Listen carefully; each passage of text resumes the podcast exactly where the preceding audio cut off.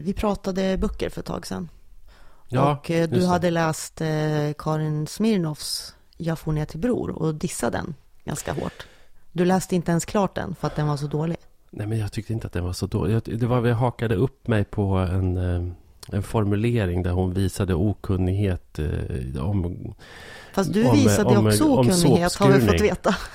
Ja, okej. Ja. Ja. jag får ju rulla med i skuddet då, för att det har ju visat sig att jag trodde att en boasering var ungefär samma sak som en träådring. Eh, när det i själva verket också kan ba- alltså bara vara trä helt enkelt. Eller någonting som är träinklätt. Men jag har ju rätt så tillvida att nummer ett, eh, man brukar inte prata om boaserade golv. De brukar aldrig vara limfärgsmålade och man skurar aldrig med hett vatten. Okej. Mm. Jag har i varje fall läst Mm. boken nu. Mm. Och vill säga att jag tyckte väldigt mycket om den. Mm. Och eh, är sugen på eh, uppföljaren. Som väl redan har... Ja, den finns. Jag Ja. har, men jag har inte läst Ja. den än. Eh, nej, jag tyckte att den var väldigt bra. Jag tyckte, eh, och jag tyckte att det, det är ett fint språk, en eh, annorlunda historia och det känns också väldigt norrländskt på ett så här. Ja. Men är det inte väldigt stereotypt mm, norrländskt? Då? Nej, Liksom- fast jag skulle inte säga att det är det, för det, för, för, för det fokuserar ju ändå kring en person och ett par relationer Mm. som ju är allmängiltiga. Eh, sen är det liksom miljöer som ändå gör att det känns hemma, lite Mm. sådär. Okej. Ja, nej men alltså jag tycker, jag, jag tycker att framför allt så tycker jag att berättelsen eh, är, är väl en väldigt intressant berättelse om mänskliga relationer. Okej. Oavsett var, var den är placerad. Mm. Okej, Så ska- jag, jag skulle rekommendera den boken. Jag Ja. ville bara ha det till protokollet. Jag fick den också. Jag, jag har den faktiskt som bok. För jag fick den när jag pratade någonstans. Så gav den, gav, den gavs till mig eh, som present. Så nu har jag den. Så att jag, jag, jag ska nog läsa den. Jag ska göra det. Jag lovar.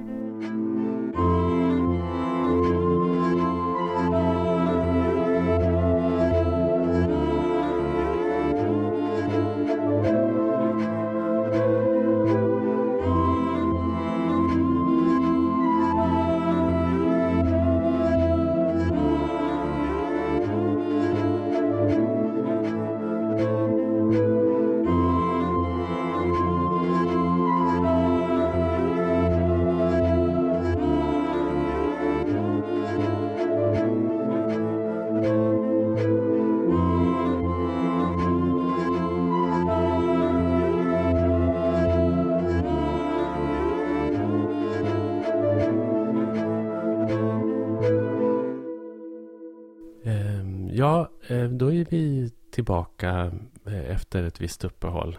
Det blir ju ett uppehåll. Varför, varför har det blivit så långt uppehåll nu egentligen? Vad, vad var anledningen? Ja, det är väl det vanliga, att vi ska få ihop det. Livspusslet? Ja, livspusslet. Och, nu var din, och din bil är trasig? Ja, Ja, ja, alltså den börjar ju sjunga på sista versen. Det är, Är det ju så? så. Ja. ja. Ja.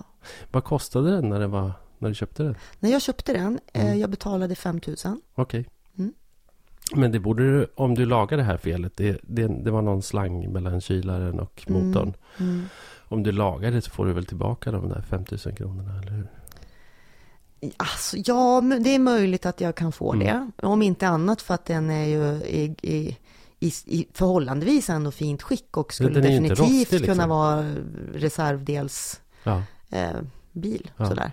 Så, men det är inte huvudorsaken Nej, fall? det är verkligen inte Utan det är huvudorsaken. allting annat Det finns andra sätt Ja. att, att, att transportera sig på. Ja, Nej, det är väl, det är väl pusslet. ja. Nej, men först, först har det ju varit sommar. Och Precis. sen blev det höst och så har jag fått nytt jobb. Och, Mm. ja. Mm. Jag jobbade ju hela sommaren åt Mm. Mittmedia. mm, hur var det? Mm. Jo, men det var Jo, men det var kul. Det var faktiskt jättekul. Det var väl inte specifikt för att det var åt Mittmedia som det var kul. Eh, men, men, eh, nej, men det var ju roligt. Jag gick ju in för att liksom åka runt och skriva om evenemang. Mm. Så det var ju det jag gjorde. Jag Hälsinglands var ju på, kulturliv. ja, spe, spelmansstämmor och dansbandskvällar och eh, jazzfestivaler och eh, kolbullar och eh, liksom. Och det var, det var, det var skoj liksom. Och det gick ju och, jag, jag tror inte jag skulle kunna hålla på med det hur länge som helst. För nu hade jag ändå liksom specifika ingångar på, på varje eh, Eh, ämne sådär. Men och det skulle man ju liksom tömma ut. Eh, att ha så pass mycket att säga om allting. Så att det kände jag väl mot slutet av sommaren att det här skulle jag inte orka i längden. Men så länge gick det. Så. Den, den som har inlogg på Mittmedia kan ju gå in och de ligger väl där säkert texterna. På helahälsingland.se.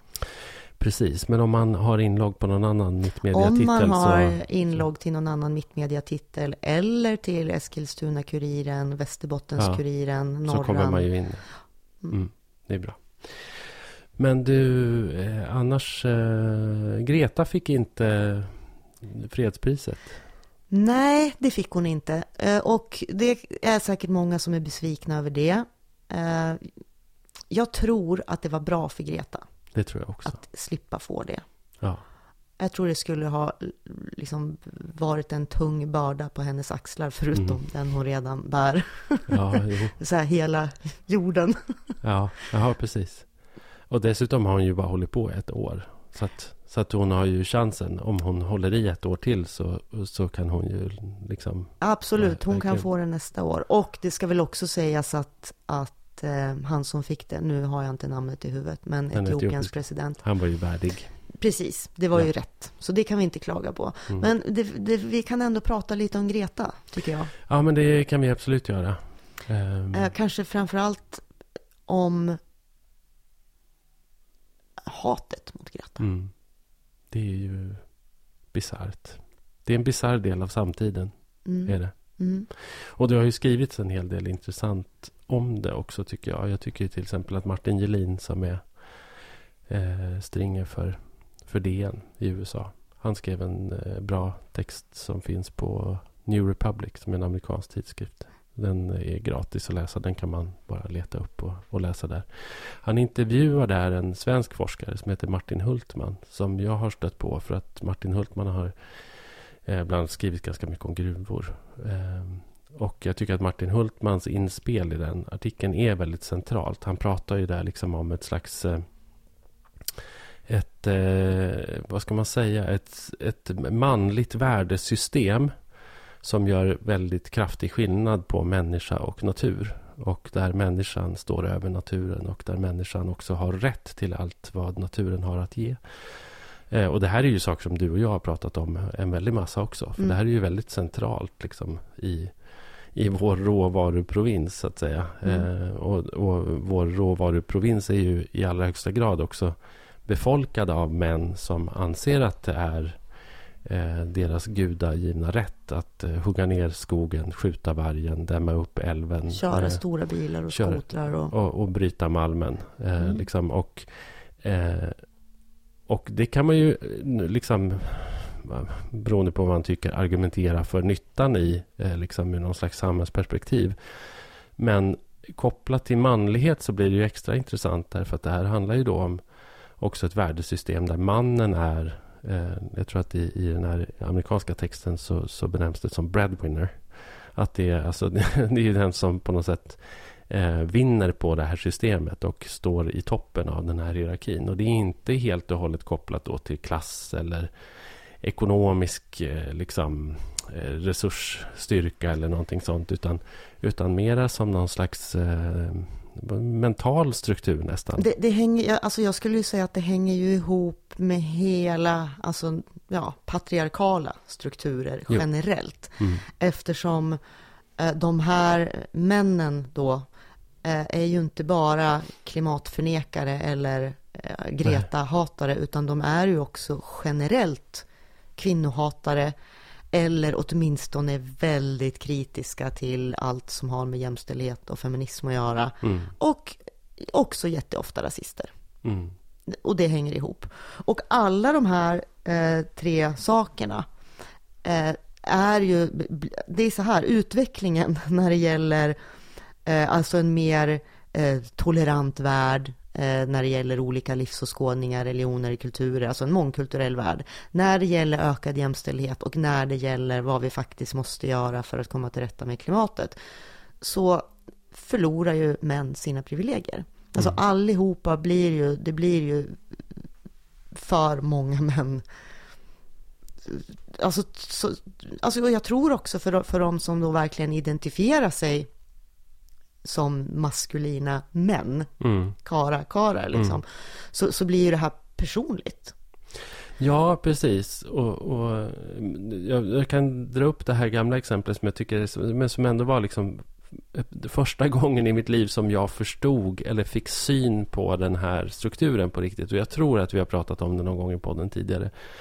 Men jag var relativt, det, det här är alltså nästan 20 år sedan och jag var relativt nyinflyttad här där jag bor. Eh, och vi har långtradartrafik som kör, använder vår väg genom dalen som, som en genväg. Eh, och som egentligen inte borde köra här för vägen är liksom inte avpassad för det. Eh, och då argumenterade jag för genom byalaget som jag var aktiv i att vi borde uppvakta Trafikverket och diverse myndigheter för att liksom skylta bort den här genomfartstrafiken. Alltså att det borde ju fortfarande såklart få köra timmerbilar eller lastbilar som har liksom ärenden i dalgången och bussar och alla möjliga olika tunga fordon. Men de här som, som bara kör här för att spara eh, 8 kilometer och eh, vinna fem minuter. De kanske inte ska ta den här vägen med hänsyn till liksom, barn och trafiksäkerhet. Och jag mötte ett sånt oerhört kompakt motstånd från en grupp äldre män. Eh, och som kom med olika märkliga argument. Först var det ju liksom sådana här liksom faktaresistenta. Så här, ja, men, eh, ja, men vad kommer då hända med skogsnäringen här? Eller vad kommer hända med transporter till affären? Så, ja, men det här handlar ju bara om genomfartstrafik. Så det, det är så, ja, men vad kommer hända med det? Det, det, det, här, det här är inte bra liksom. Så här. Okej, och sen så kom nästa, eh, sen så in, in liksom nästa i, varv på argumentationen kom det här, ja, men det kommer bli en fäbod eh, av alltihop här om det inte går långtradare här.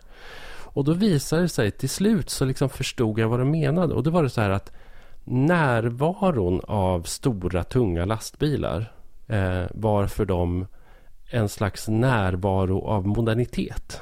Eh, Ja, ungefär som jag känner att jag vill ha närhet till vatten för att känna att jag kan ta mig härifrån. Att jag, att jag är, är, är ihopkopplad med resten av världen. Det finns, kände de där männen. Och det är tack vare att det går stora långtradare här i väldigt hög hastighet. Det gör att de här männen känner att de är del eh, av en värld. Där, alltså, så här, alltså det var en sån... Men det var här en är sån- ju så sorgligt. det var en sån otroligt intressant upptäckt. Eh, och det var hela deras... Eh, och jag tror på riktigt att, att, att det här är eh, en manlig identitet som är väldigt starkt kopplad till resursutnyttjande. Och där man känner att den här lilla 16-åriga flickan med flätorna och hennes liksom väldigt uppfordrande blick eh, verkligen på allvar utmanar deras plats i den här hierarkin. På ett plan så tror jag att många av de här männen känner att spelet egentligen förlorat för länge sedan. Jag menar, hur, när, kom Susan Faludis stift? Liksom? Det, det, var, det var ju Mm. 25 år sedan. Så det är ju ingen nyheter. Men de kämpar emot. Men, men jag vet inte, det, det är också väldigt tydligt det här ju längre norrut man kommer. Ja, Eh, Alltså att, att, jag ska inte säga klimatförnekandet, men, men den, den här sortens arga män. Eh, Känner du till, det finns ett CEO-företag i Örnsköldsvik som heter Bråt. nej, jag känner inte. eh, som har eh, gjort en eh, kartläggning av vad som händer eh, på Google eh, när Greta får uppmärksamhet. Jaha, och oj. kunnat liksom visa att ja, ju mer uppmärksamhet Greta får, desto fler är det som googlar om klimatfrågor. Mhm, Det vill mm. säga hon, det, hon bevisligen ökar engagemanget Ja. i klimatfrågor när hon syns och hörs mycket och det är stora grejer kring henne i media. Men eh, det märks nästan ingen skillnad i Västernorrland och väldigt mycket mindre i övriga Norrland. Mhm, Men på, på det stora hela så, så får hon genomslag, men inte så mycket i Norrland. nej. Alltså, jag, jag, har, jag, har en, eh, jag har en Stockholmskompis och han är eh, Han är inte norrlänning. Han är liksom eh, Han bor på Söder. Han eh, är med alla liksom alla mått mätt eh, tillhör han liksom eh, någon slags modern hipsterkultur snarare än, än, någonting annat. Och som har blivit klimatskeptiker. Mhm. Och börjat dela en massa sådana saker på Facebook. Eh, det, det är relativt obegripligt och jag försöker föra någon slags dialog om, med honom och bemöta de här sakerna. Och han delar ju då bland annat liksom olika föreläsningar och olika artiklar. Och, då, och bisarrt det var en grej som han delade som var någon eh, pensionerad professor på KTH som höll någon föreläsning. Eh, ja.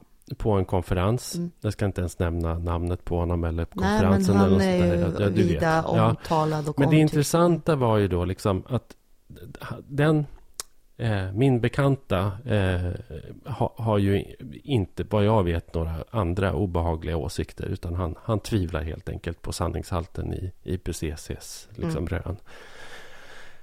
Men eh, när han tar det klivet eh, över, då, då, närmar han sig också en annan värld som väntar med en öppen famn.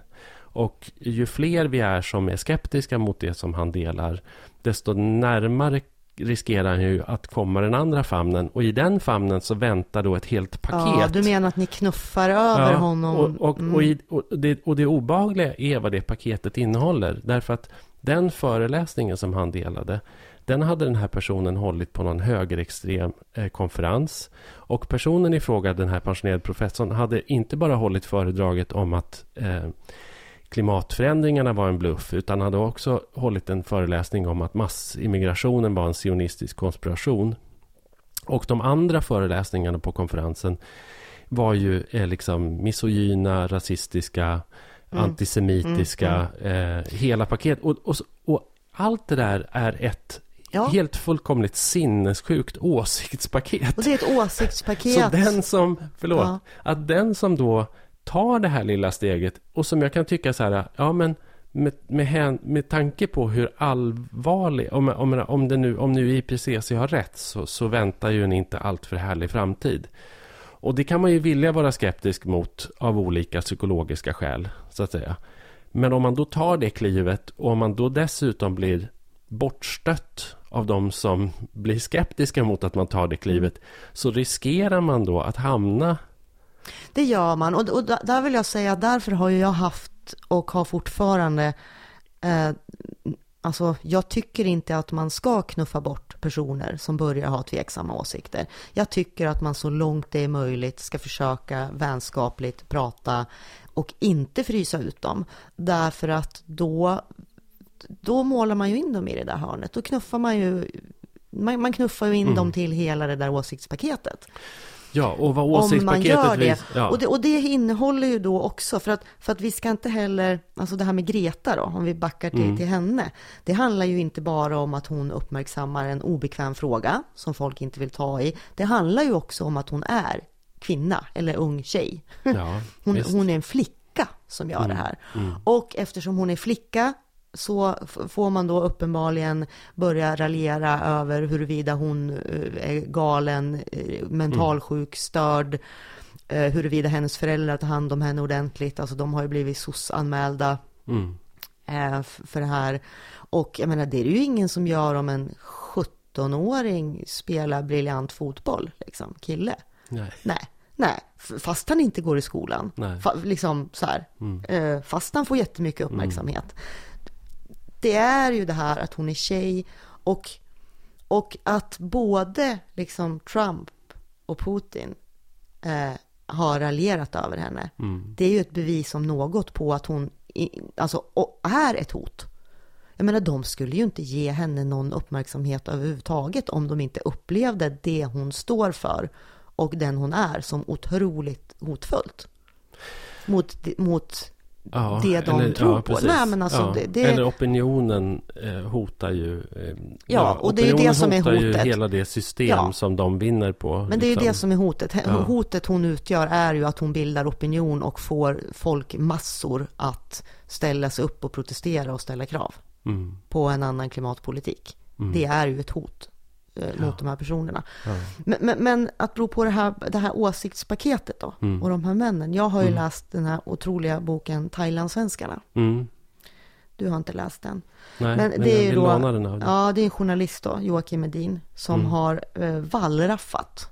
Han har alltså varit i Thailand och låtsats vara sexturist mm. för att få kontakt med svenska sexköpare mm. i Thailand.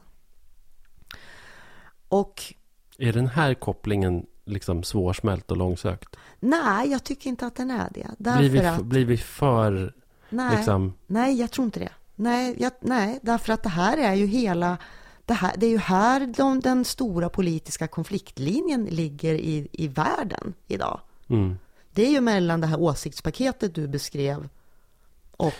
Så de här männen i Thailand, de svenska männen i Thailand, de har liksom ungefär samma förhållande till, till kvinnor som, som norrländska män har till malm. Ja, men, liksom. nej, men det jag skulle komma till är ju att det han beskriver, då, den, de slutsatser han kommer Mm. fram till eh, när han hänger med de här männen, det är...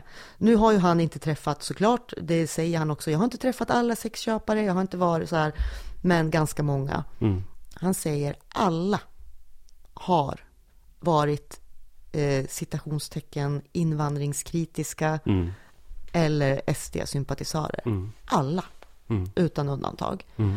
Alla har också varit väldigt kritiska till svensk, alltså tycker att jämställdheten har gått för långt Mm. och att svenska kvinnor är galna och Mm. ställer sjuka, orimliga krav på dem. Och det är därför de åker till Thailand. Mm. Eh, för där är kvinnorna är- mer medgörliga då. Vad är det för sjuka krav som svenska kvinnor ställer? Eh, det går han ska- inte riktigt in på, men det är mer att de ska hjälpa till att städa och passa barn. Alltså det är så här väldigt enkla saker som framkommer här. Medan de här då, enligt de här männen, en thailändsk kvinna behandlar en som en gud. Mm. Man får inte lyfta ett finger för de ska pyssla om en hela tiden. Eh, och om vi då tar steget liksom ytterligare då. Nu är ju inte alla män som åker till Thailand incels. Liksom. Men många är ju det. Typ, de du måste inte... förklara det begreppet. Ja, men det är ju då, i, i grunden så In- betyder det involuntary ju o, o, precis, ofrivilligt celibat. Mm. Men det har ju, det har ju liksom skapats en rörelse Som är helt Ja, men som sjuk. kallar sig... Ja, och, och de är ju de facto kvinnohatare. Mm. Alltså det här, okej, jag får inte ligga för att jag är ett svin, alltså ska jag bli ännu mer svinig och gå med i en förening där vi tillsammans hatar på kvinnor. Mm. Mm. Ja. Mm. Och, och då tror de att de ska få ligga ännu mer, eller jag vet inte. Ehm, ja, de får ju det i men, Thailand men, alla men, de här har hänger ju, men det här, det här Mm. hänger ju ihop. Och steg, och det är det jag tänker också då, steget från att från att åka till Thailand för att köpa sex eh, till att bli en incel, Mm. liksom, så småningom. Alltså, för, du- för det intressanta menar är ju en också... åsiktsmässig, en åsiktsmässig incel? Alltså ja, hela det? precis. De köper hela paketet att de hatar kvinnor att kvinnor står för liksom världens fördärvelse. Mm. Eh, jo, för det hör ju till saken då att många av de här männen som ju kanske också inleder seriösa relationer med thailändska kvinnor, Mm. antingen så att de flyttar dit eller så att de åker dit regelbundet och sådär, de blir ju också lurade och svikna av de här thailändska kvinnorna. Mm. För de skiljer sig ju inte egentligen från, alltså det är kvinnor, de har också krav. Och i seriösa relationer, så i Thailand ställer de till exempel krav på att den här mannen ska försörja hela deras familj. Det. Eh, och de Fast- fast upplever det- sig lurade. Fast det är ju, fast det är ju en typ av krav som om man lyckas med det eh, kan väcka eh, en helt annan typ av stolthet Mm. Än, det än som- när man har städat toaletten. Mm. Fast det som framkommer i den här boken, Mm. det är ju det att, att de här männen lyckas vända det till att det är de som är utnyttjade. De här männen blir utnyttjade av de här thailändska kvinnorna. Men det här var, Det har, har, du läst, har du läst eh, Michelle Houellebecqs eh, plattform?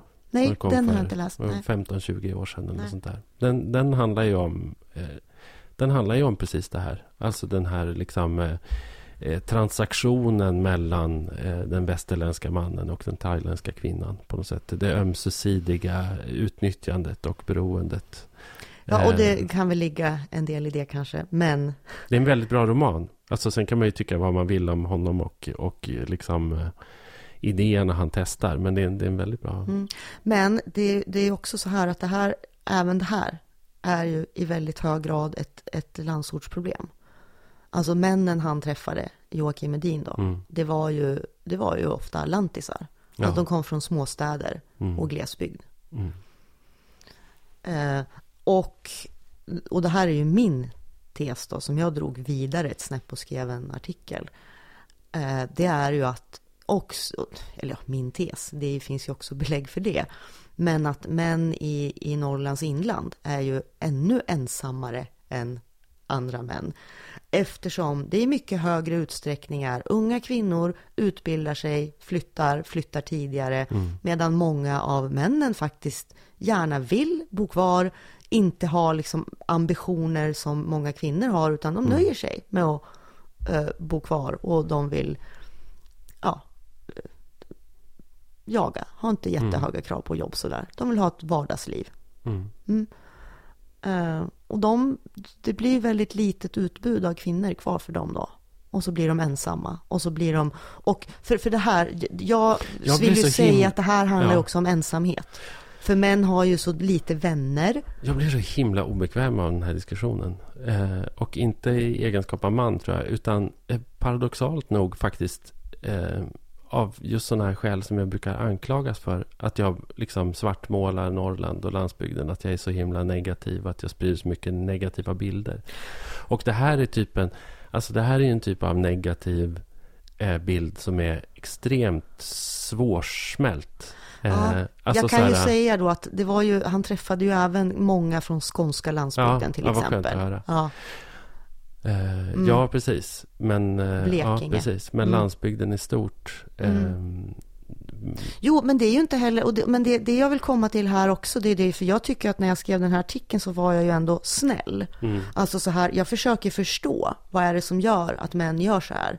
Vad är det mm. som gör att män köper sex? Vad är det som gör att män mer eller mindre går in på nätet och beställer fruar? Mm liksom, för att de känner sig ensamma. Och varför känner de sig så ensamma? Det här är ju ett sätt att försöka förstå de här männen, inte att liksom anklaga dem i grunden för att Alltså de är ju också offer för sin tid på något sätt. Mm. Jo, jo, absolut. Alltså det, det, går ju att problematisera det såklart. Eh, mm. Eh, jag tycker väl att det som vi liksom, menar, när vi började prata om det nyss, eh, att, att det här värderingspaketet, att, mm. att det verkligen har betydelse här. Um, och att jag menar, det, det, tror jag vi har pratat om tidigare också. Men det kom en väldigt bra LO-rapport eh, för kan det varit ett och ett halvt, två år sedan som, som spaltade upp det där. Det var en sån här ojämlik, de hade en serie, rapportserie med ojämlikhet. Eh, och eh, som liksom pratade om glidningarna på både den horisontella och den vertikala eh, skalan kan man säga. Alltså där, där män verkligen blir förlorade. Eh, alltså så här, de är förlorare i det kapitalistiska systemet. Eh, alltså lågutbildade män. Men de är också förlorare i, liksom, i den samhällsutveckling som har varit de senaste 20-30 åren. Där vi rör oss mot ett på något sätt också mer tolerant, mer liberalt samhälle. Med och där vi har liksom gjort ett gediget värdegrundsarbete i nästan alla offentliga institutioner. Och det liksom, eh, alltså den där typen av värderingar, den där typen av eh, beteenden är ju inte acceptabla längre i skolan eller i offentliga organisationer ah. eller företag. Så att, så att på något sätt så är ju den här gruppen, alltså, och det här säger jag inte alls för att försvara dem eller någonting, utan men det, det är ju en förklaringsmodell så att säga. att Man är ju förlorare man är ju förlorare både när det gäller då liksom eh, standard och eh, löneutveckling och karriärmöjligheter och också om vi väger in geografisk utveckling så, så, är det, så kanske du bor på en plats där offentlig service och det kommersiella utbudet har försämrats oerhört mycket. Mm. Eh, det är en tråkigare, mer sluten plats. Och sen så har du dessutom då värderingsförskjutningar som gör att att, att du blir på något sätt också alienerad i förhållande till det offentliga samhället. Mm, fast även om vi har den här då värderingsförskjutningen i det offentliga samhället ja. så har vi ju fortfarande, skulle jag vilja påstå, i det lilla och i privatlivet väldigt mycket kvar av gamla normer. Det är, och det är, det, det är det, den krocken också som uppstår när en man växer upp och fostras enligt någon slags ja. manlig norm. Att vara tuff, ta för sig. Eh, också, och det, det gäller både män och kvinnor, att fortfarande så är det någon slags norm att ja, du ska gifta dig och skaffa barn. Alltså, det är mm. normen. Ja, och, men- och, så men- får du, och så får du lära dig det och växer upp med det och sen upptäcker du när du är vuxen och ska gifta dig att oj, oj, oj, kvinnorna klarar sig tydligen själva. Det, för det är det också. Mm. Att från att det är inte många, det är inte länge sedan som kvinnor i stort sett i Sverige då var beroende av en man för sin försörjning. Alltså man var tvungen att gifta Mm. Ja, sig med en man för att men- kunna försörja sig. Nu behöver kvinnorna inte det längre. Nej, och det är därför de måste åka till Thailand. Alltså det visar ju på något sätt också hur, hur långt den här värderingsförskjutningen, alltså som jag då tycker är en positiv förskjutning av värderingar i det svenska samhället.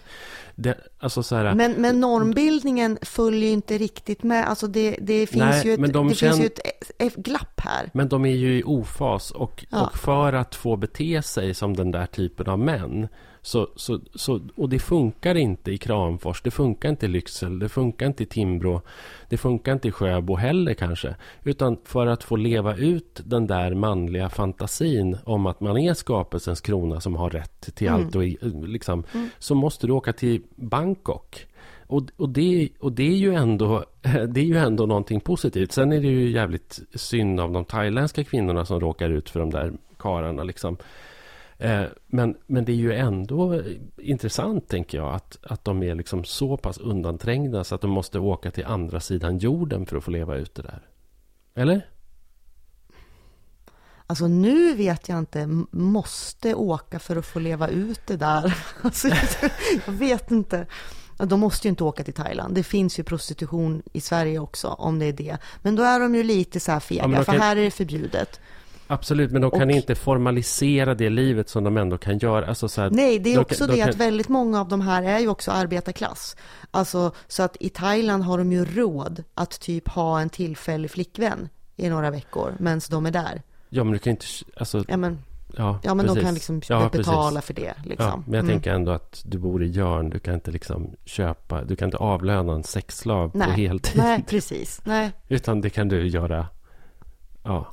Ja, men, nej, men ja. du, ska vi släppa det här nu? Ja, okej. Mm, men, men det, det, är, Vi- ja, nej, det är intressant. Det är intressant. Vi men stryker släpper- ett streck okej, här. Okej, men och, och då hoppar vi över till, till nästa, för det här, till nästa härliga eh, grej. För att eh, om man tänker då att eh, det här värderingssystemet då som vi initialt pratade om, som ju då liksom ändå har levt kvar på landsbygden, skulle jag säga då.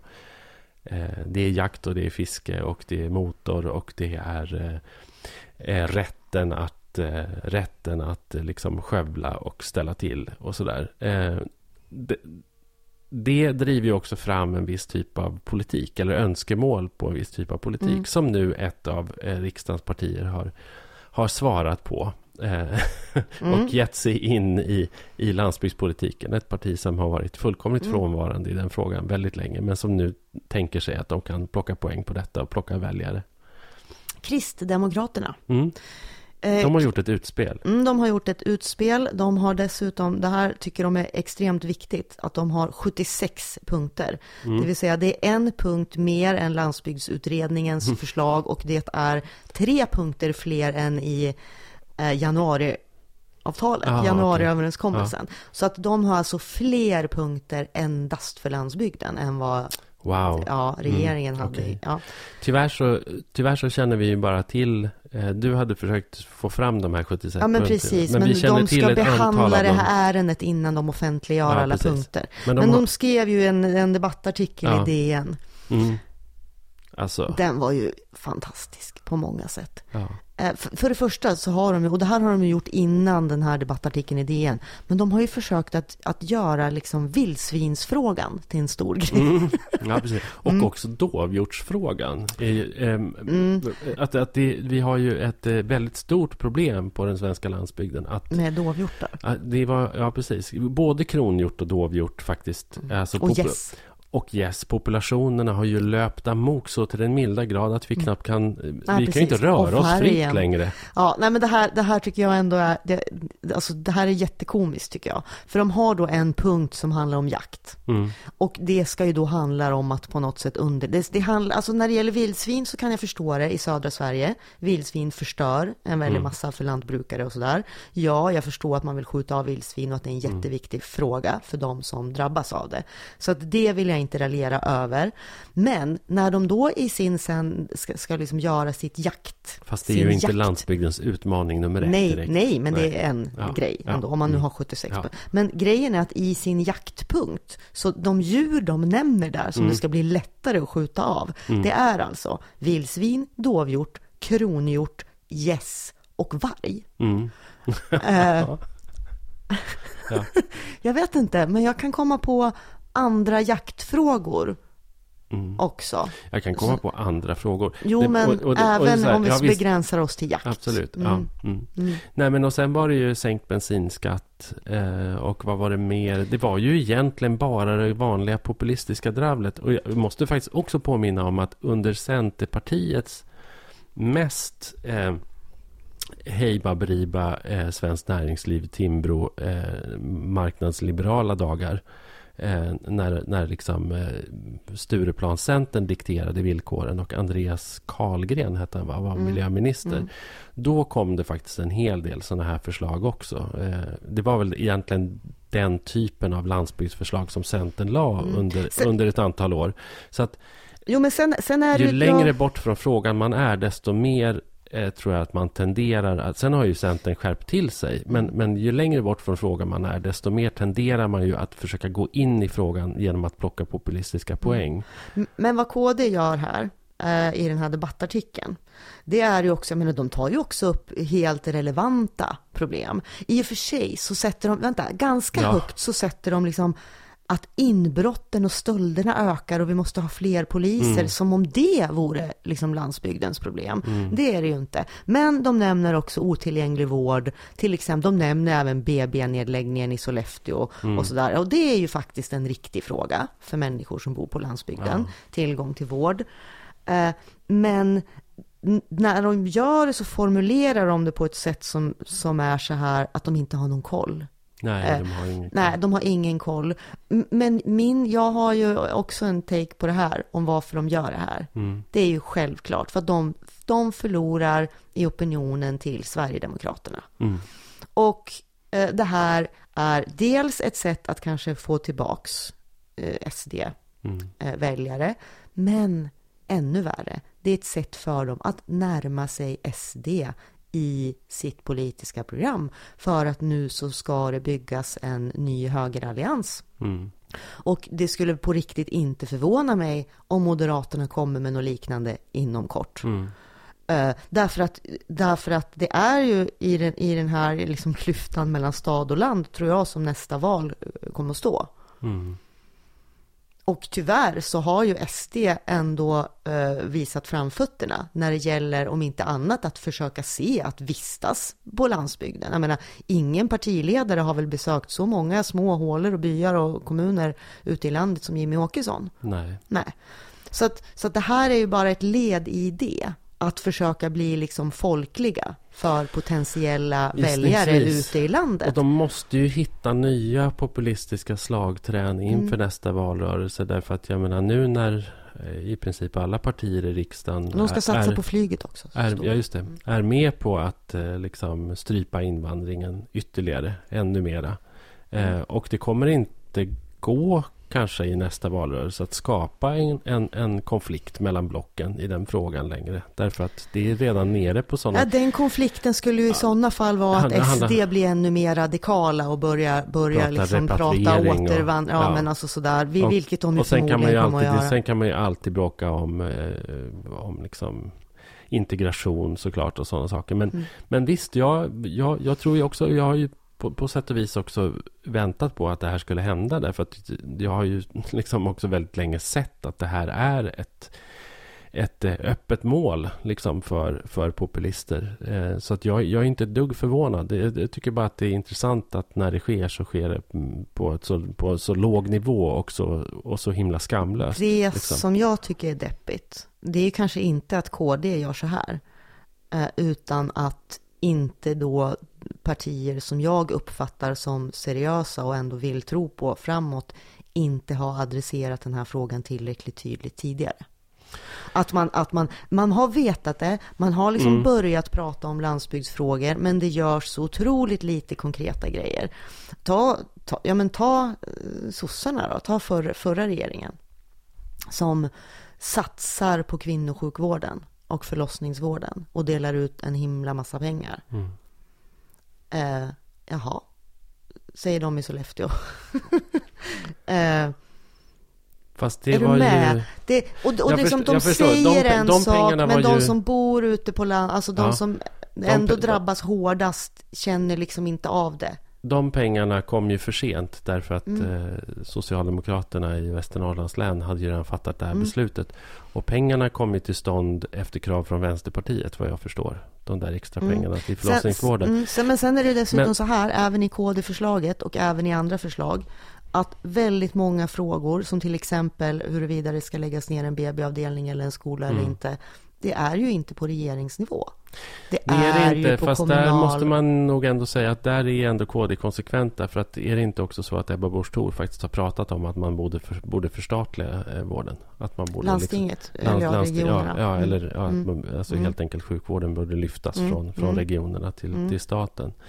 Så där är hon ju konsekvent. Eh, fast det var inte med i, den här, i det här utspelet. Ja, men det Men hon har inte, hon har ju inte Ja, nej, men, ja, nej, men där har du ju helt rätt, absolut. Och det är, ju, det är ju det stora problemet. Det är ju att vi har ju liksom decentraliserat eh, makten över alla de här frågorna som, som eh, liksom är viktiga för landsbygden. Och vi har decentraliserat frågorna, men vi har inte decentraliserat eh, pengarna. Nej, Så att, eh, utan man, så att man, man- man, man har gjort tvärtom med pengarna. man har... Man har decentraliserat makten, men man har centraliserat pengarna. Ja, så man Mm. hystar in pengarna, skickar inte ut några, men man skickar ut mer och mer krav på kommuner och, och regioner. Men det är ju faktiskt positivt med eh, våran nya då civilminister. Mm. Som jag helt tappade namnet på nu. Eh, ja, Vi har fått en ny ja, civilminister. jo precis. Hon i varje Ja. fall Mm. eh, säger ju att hennes Jo, stora SKL, grej... eh, Lena Pre- Micko. Precis, Lena Mm. Micko. Mm. Hennes grej nu, liksom som är överst i hennes prioritet, eh, det har hon ju sagt, Mm. det är ju att gå över i högre utsträckning till generella statsbidrag istället för riktade. Ja, För de där riktade statsbidragen har ju också Jo. varit, det är ett jättestort problem för små kommuner. gud ja.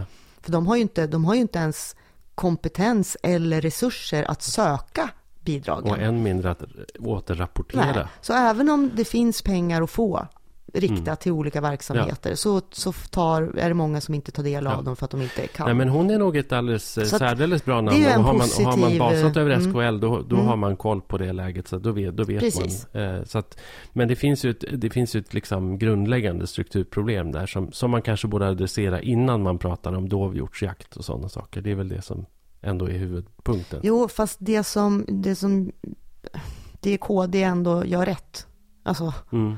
Det är ju det att det här sättet att kommunicera verkar ju funka för väljarna.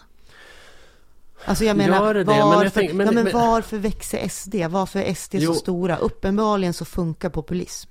Ja, jo, på sätt och vis. Men jag, jag tänker också så här. Alltså jag, jag blir så himla kränkt också som landsbygdsperson. Jag blir alltid kränkt över den här typen av utspel.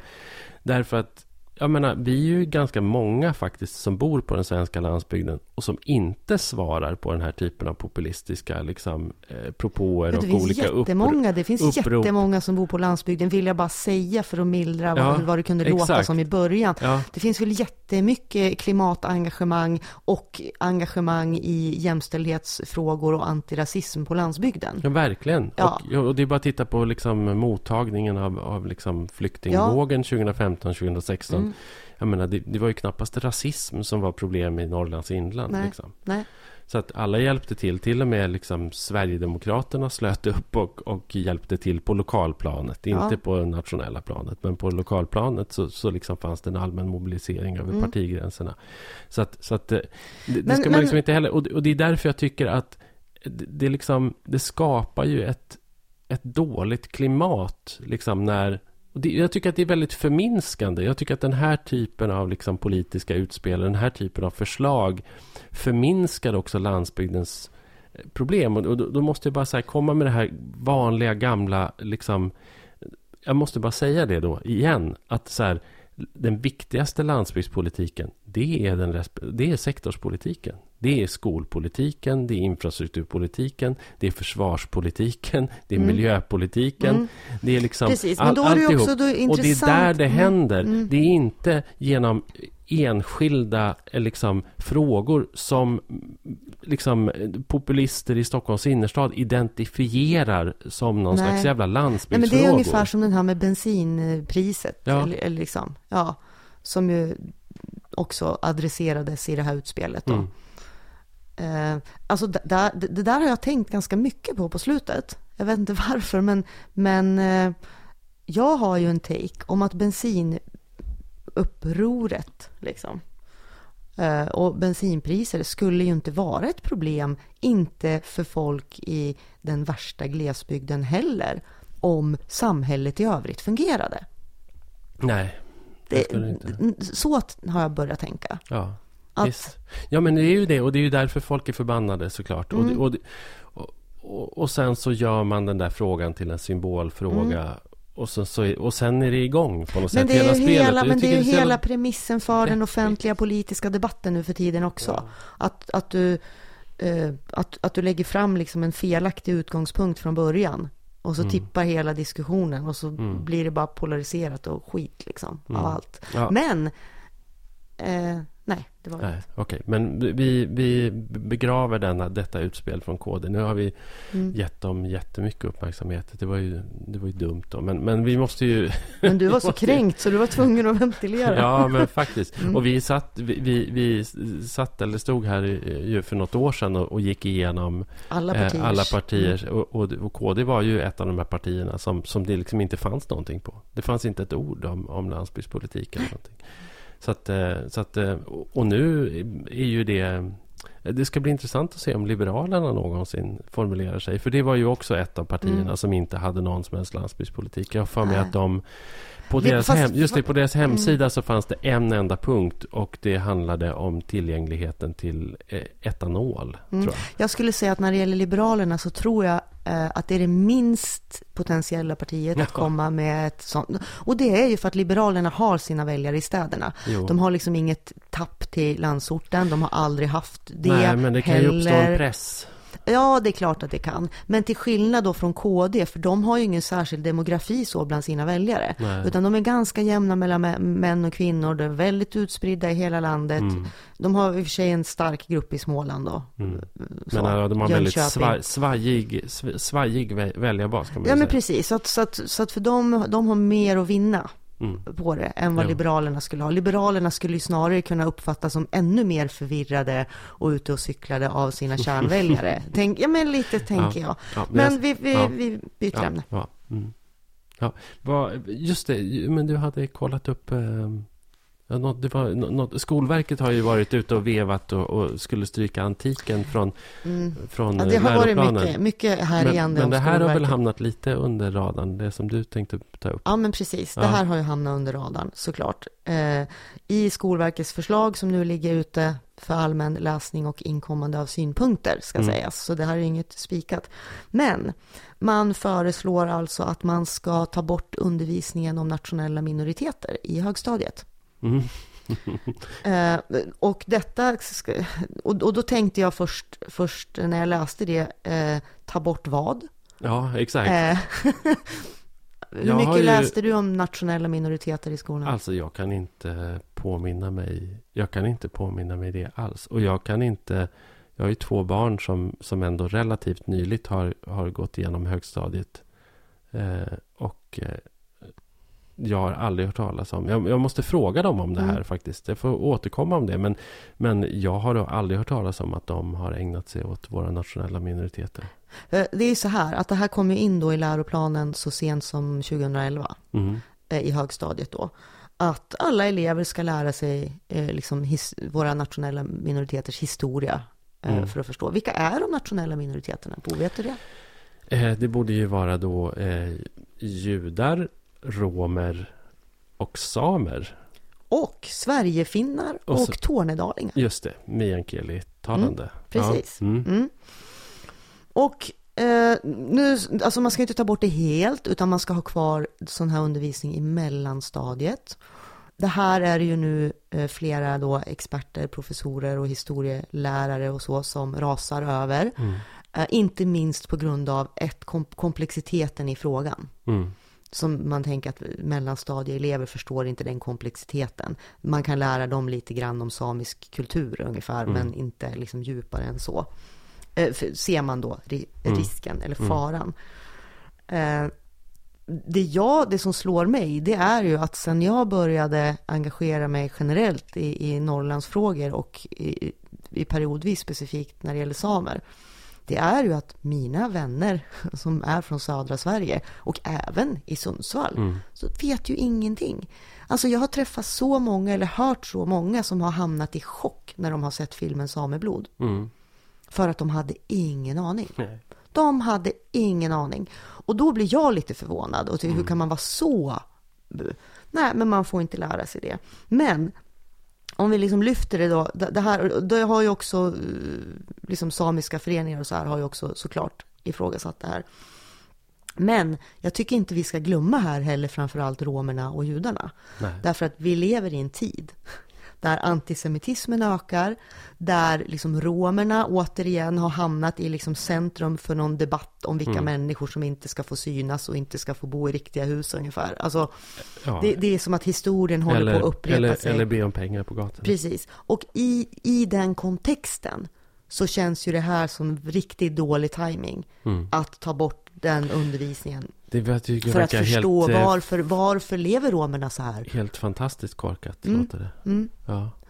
Eh, Det, det kan vi bara uppröras lite grann ja. över. Jag undrar om det där verkligen har efterlevts då? Alltså om den här Eh, liksom, enligt plats- Skolverket så har man ju då bestämt att, eller att varför man vill ändra det här och ta bort det här är för att uppfattningen är att undervisningen om minoritetsfolken har varit så sporadisk, Ja. utspridd mellan ämnen och inte sammanhållen. Mhm, Men så då tar man bort det helt Precis, istället för istället att, för att liksom, styra upp det.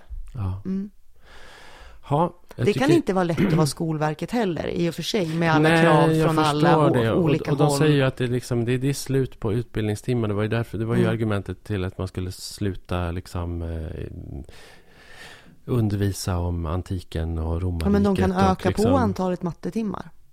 Ja, och det är väl det som jag tycker är helt bisarrt. Hur Mm. jäkla mycket matte det ska pluggas alltså. Det- Det här hänger ju ihop med hela den här, eh, så att säga, humaniora-föraktet som verkar liksom spridas. Alltså humaniora värderas ju inte särskilt högt i Sverige och svensk nej, nej, utbildningsväsende. nej, verkligen inte. och det är ju förödande Mm. om man vill vara eh, en liksom civiliserad liberal demokrati Ja. i framtiden. Ja, och jag tror dessutom för att återkoppla till det som vi pratade först om det här liksom eh, vad ska man säga värderingskomplexet som handlar om människan mot naturen och eh, den, den vite mannens eh, primärt den vite mannens rätt att liksom eh, spränga berg och dämma upp älvar och hugga skog så, så är ju det här också relevant därför det här utmanar ju också eh, faktiskt hela, hela det komplexet. Mm. Bara, bara liksom förekomsten av, av eh, ursprungsfolk gör ju Mm. det. Har du liksom. förresten, följer du Greta på hennes eh, resa i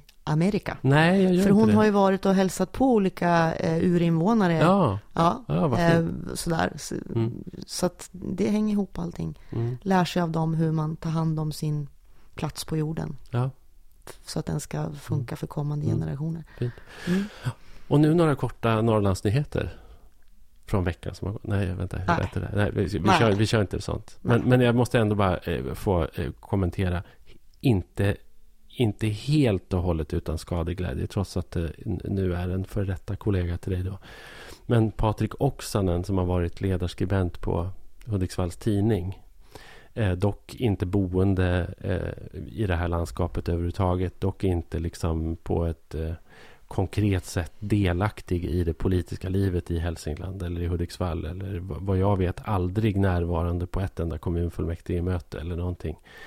Har nu eh, slutat eh, och med ett väldigt storbulet farväl där han, där han beskriver alla sina framgångar som, som skribent med HT som plattform i den säkerhetspolitiska debatten. För det han har ägnat sig åt allra mest är ju att skriva. Nu, nu vill jag bara säga för läsarna att Sofia ser plågad ut. Ehm, Du behöver inte ens kommentera det här. Jag kör Nej, men det du, här. det är ju, Ja. Jag vill bara också för sakens skull Ja. säga, vi pratar om en kollega till mig. Mm, vi jag vet. pratar om en faktiskt omtyckt kollega till mig. Ja, ja, absolut. Men jag, vi vet inte varför han slutar. Vad, vad jag Vi- än, nej, Nej, men så- han, så det- han slutar. Han slutar. Eh, Han kommer jag- förmodligen att gå vidare och fortsätta han med sin göra. eh, Han har ju en försvars... Han har ju sin... Han, är har ju sin spec- nisch ja. och, och, han är, Mm. han, och han är duktig på det. Han är jättekunnig på de frågorna. Vad jag bara har reagerat på de senaste åren, och jag tycker att det här är ett generellt problem, är ju eh, den här märkliga liksom, ja men det är väl ungefär som när kungahuset utser en hertig över Västerbotten. Liksom. Mm. Eh, och, och på samma sätt så har det varit lite grann med ledarskribenter, att man utser en hertig över Hudiksvalls tidning som inte ens behöver sätta sin fot där och som kan använda den plattformen för att driva en fråga som handlar om någonting helt annat. Mm. Och det kan ju vara fine och det kan vara en viktig fråga. Men vad Hudiksvalls kommun och, liksom, och Hudiksvalls lokala demokrati har gått miste om de senaste åren med honom som ledarskribent är ju någon som faktiskt ifrågasätter politiska beslut, är delaktig och utvecklar den lokala demokratidialogen etc. etc. Sånt som jag tycker att media och framförallt ledarskribenter ska ägna sig åt. Så, så att jag kommer inte sörja att han slutar i, på HT. Det, jag, ty, jag tycker att det är... Och jag ser fram emot att mitt media rekryterar någon som kanske bor på orten Mm. och engagerar sig i ortens frågor. Därför att det måste ju ändå vara liksom Och det, det här som säger du ska... att beror på att jag har fått jobb som politisk redaktör för tidningen Ångermanland, men jag bor i Sundsvall. Precis, men du eh, kommer ju i alla fall åka till Ångermanland och skriva om Ångermanland. Vi, vi, vi, vi kan prata mer om det i nästa Mm. avsnitt kanske. Men, men eller hur, vi ska du det? Ja. Ja, eller hur? Du ska inte... Men jag tycker inte, jag, alltså jag vill inte att vi ska stå här nu. Det, det är klart att det är viktigt med lokaljournalistik eh, och lokalt närvarande journalister. Men det kan vi prata mer om också nästa Mm, gång. ja, okej, vi gör det. Jag Jag har ska bara säga ett litet telegram till Aha, som har kommit in. Niklas Nordström, ja, du vet. mm, kommunalråd i Luleå. Ja, sån toppsosse, Mm. toppdog-sosse. Mm. Som, han som en gång gjorde sig känd för att han eh, tog emot eh, pengar från Svenskt Näringsliv för att driva socialdemokratin åt höger. Flera Mm. miljoner tror jag. Han, Intressant ja, person. en, en väldigt intressant person, en riktig player. Men han faktiskt. avgår. Och eh, ordförande i Svenskt Flyg har han också varit. Så, Mm. så när man hör honom på radio så vet man aldrig om han uttalar sig i egenskap av kommunalråd eller, eller ordförande i Nej, man, Svenskt får Flyg. också, man får också Man alltid mejl av honom om man skriver texter om flygskatt och sånt. Precis. Mm. Eh, flyget är väldigt bra för miljön, har Niklas Nordström alltid hävdat. Mm. Men, nu har han avgått. nu har han från- avgått med pang bom med hänvisning till hälsa, tror jag, eller någonting sånt. Och det, och det vet vi inte heller särskilt mycket om. Men det, det kan också det kan också bli intressant. Eh, det kan nog bli intressant för Norrbotten. De, de, eh, vi borde fördjupa oss, tänker jag, kanske lite i eh, Norrbotten och i Mm. Luleå. De håller på med ett stort sparbeting där och ska stänga. Det här, det här går ju som en farsot nu genom kommunerna. Det är som en ny våg av, av liksom centraliseringar och nedläggningar av byskolor och sådär. Och i vissa fall, tror jag, i Luleås fall, inte för att det saknas skatteintäkter nu, men därför att prognoserna ser så Mm. pass mörka ut så att man vill liksom rusta sig för framtiden och för framtida lågkonjunkturer. Så att... Eh, Det kommer vi nog att kunna prata en del om fortsättningsvis. så att, ja, Mm. så var det. Jag har ett litet kulturtips. Mm. Eh, vad har du för relation till modern dans? Heter det ens modern dans? Vad heter det? Dans? Dans, Har du någon relation till dans? Inte mycket faktiskt. Nej, jag har ju alltså ingen relation till dans. Nej. Alltså från att jag överhuvudtaget inte, alltså jag blir väldigt obekväm av dans Mm. till och med. Mm, jag har en anti-relation till dans. Ja. Eh, Det finns ju i eh, Härnösand, Västernorrland, finns något som heter norrdans. Mm. Ganska respekterat Ja, verkligen. Mm. Och det är ju respekterat och det är ju liksom högkvalitativt. eh, Mm. Jätteduktiga internationella dansare Mm. eh, lockar de ju till sig. Mm. Och de gör eh, för, bra föreställningar, alltså som får fina recensioner och sådär. Eh, men jag har de få gånger jag har sett det liksom bara känt att jag förstår inte det här. Men eh, härom, eh, häromkvällen så var jag ändå på en föreställning. Och blev så här, alltså jag överraskade mig själv med att bli helt tagen. Vad handlade Ja, föreställningen det är, om? svårt, Liksom? det är svårt att säga vad det handlar om. Vad hette Allt den? är ju ordlöst. Den heter Proxy. Mhm. och den är skapad, de har en relativt ny danschef som heter Martin Forsberg. Och det är han som har skapat den, gjort koreografin. Mm. Jag tror att det är hans första helt egna, det är i alla fall hans första egna skapade föreställning med norrdans. Mm. Eh, det är åtta dansare på scenen.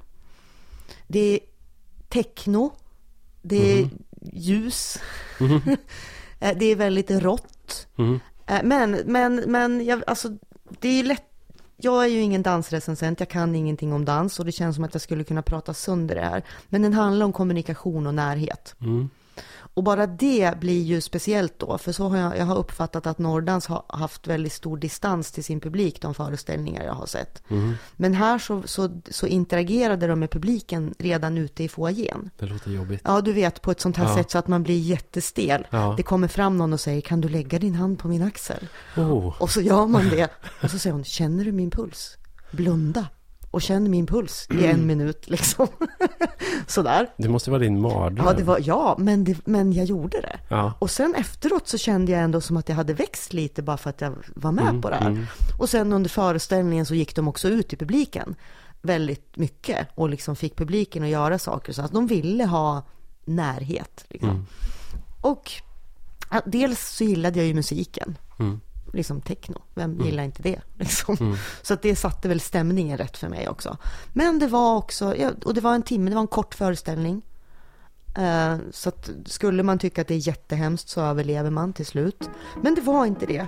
Och nu vill jag inte säga något mer för att prata, prata ihjäl den. Men jag kan säga att de är på turné under hösten. Och de spelar i nästan hela Norrland. Alltså de spelar i Skellefteå, Hudik, Piteå, Umeå, Luleå, Östersund. Den 29 oktober spelar de på Dieselverkstaden i Stockholm. Mhm. Så finns man i Stockholm och tycker det här låter minsta lilla intressant så kan jag faktiskt rekommendera att gå och se Proxy av Nordans. Mm. plein tapis